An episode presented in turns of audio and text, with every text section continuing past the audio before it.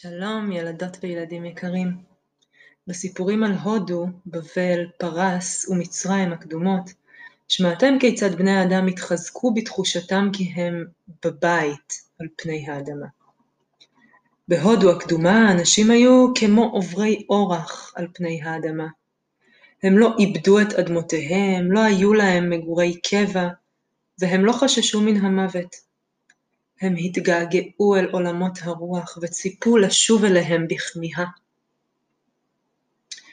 אבל לאחר מכן, בתרבויות פרס ובבל, האנשים כבר נהנו מחייהם על האדמה. בפרס האנשים כבר החלו ללמוד כיצד לעבד את האדמה. בבבל הם החלו להביט בכוכבים, לבנות זיגורטים מדהימים, ואפילו ביקשו לחיות חיי נצח. ודאי אתם זוכרים את מסעו של גילגמש אל עבר סבו הקדום, כי ביקש שהמוות לא ינצחו.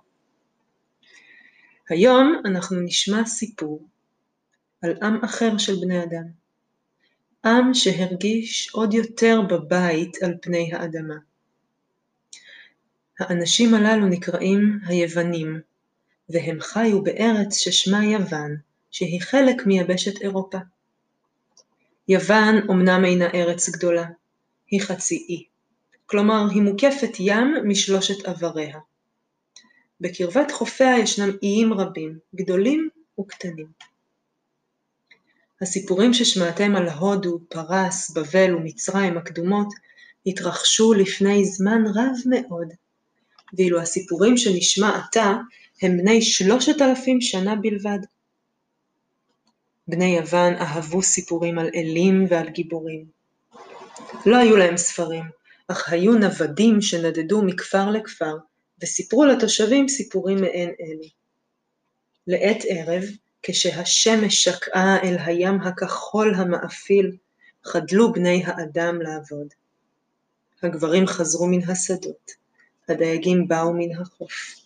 הנשים באו מבתיהם הקטנים, הילדים חדלו ממשחקיהם וכולם התאספו בכיכר השוק וישבו יחדיו סביב מספר הסיפורים. מספר הסיפורים אחז נבל בידיו וסיפר את סיפוריו שהיו מחורזים כמו זימר שיר. וזה אחד הסיפורים שסיפרו. בראשית הדברים, לפני תחילת הזמן, היה תוהו, ועל פני התוהו צפה אמא אדמה ושמה גאיה.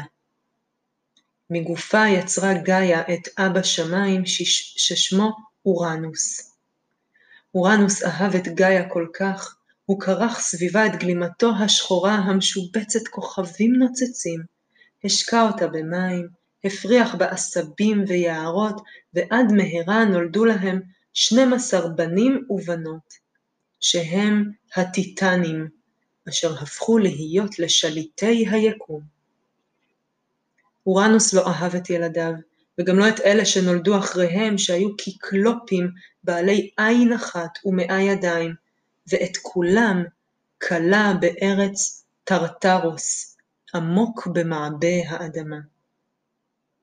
גאיה, שאהבה מאוד את כל ילדיה, כעסה מאוד ונשבעה להעניש את אורנוס. היא נתנה מגל אבן חלמיש לקרונוס, הצעיר בבניה, ושלחה אותו להילחם באביו.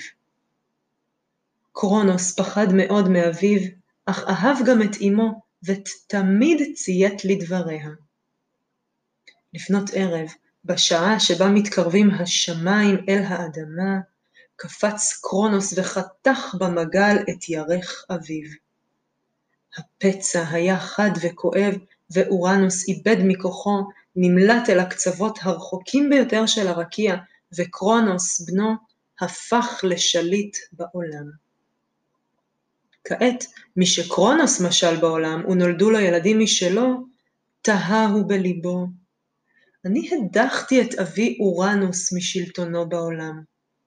מה אעשה אם אחד מילדיי יעשה זאת לי? ובכן, קרונוס החליט לא להסתכן.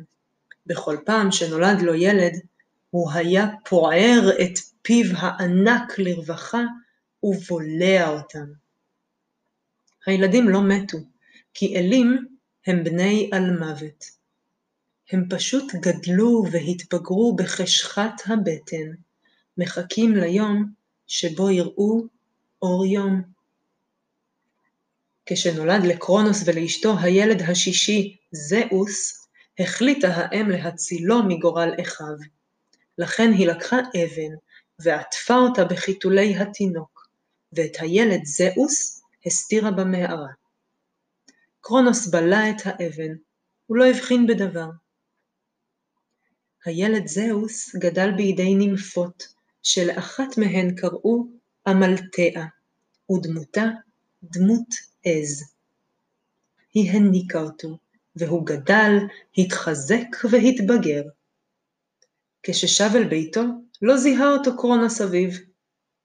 זהוס הציע לאביו קרונוס משקה צוף מיוחד, אך המשקה הזה הכיל בתוכו סם הכאה, ותוכניתו של זהוס הייתה לגרום לאביו להקיא את כל אחיו מתוכו. קרונוס לגע מן המשקה, ושתה אותו עד תום, ומיד הקיא אותו, ויחד עמו את כל הילדים שהיו בבטנו. כעת, כשחברו האלים, אחיו של זהוס, החליטו הם להכריז מלחמה על הטיטנים ועל קרונוס אביהם, על שכלא אותם זמן רב כל כך בתוכו. קרונוס ברח מפני בניו כל עוד נפשו בו, והותיר את כוחותיו מאחוריו. זהוס הרים אותם ושם בכיסו. כעת אני הוא אדון התבל, הוא הכריז, והעולם כולו רעד מקולו האדיר.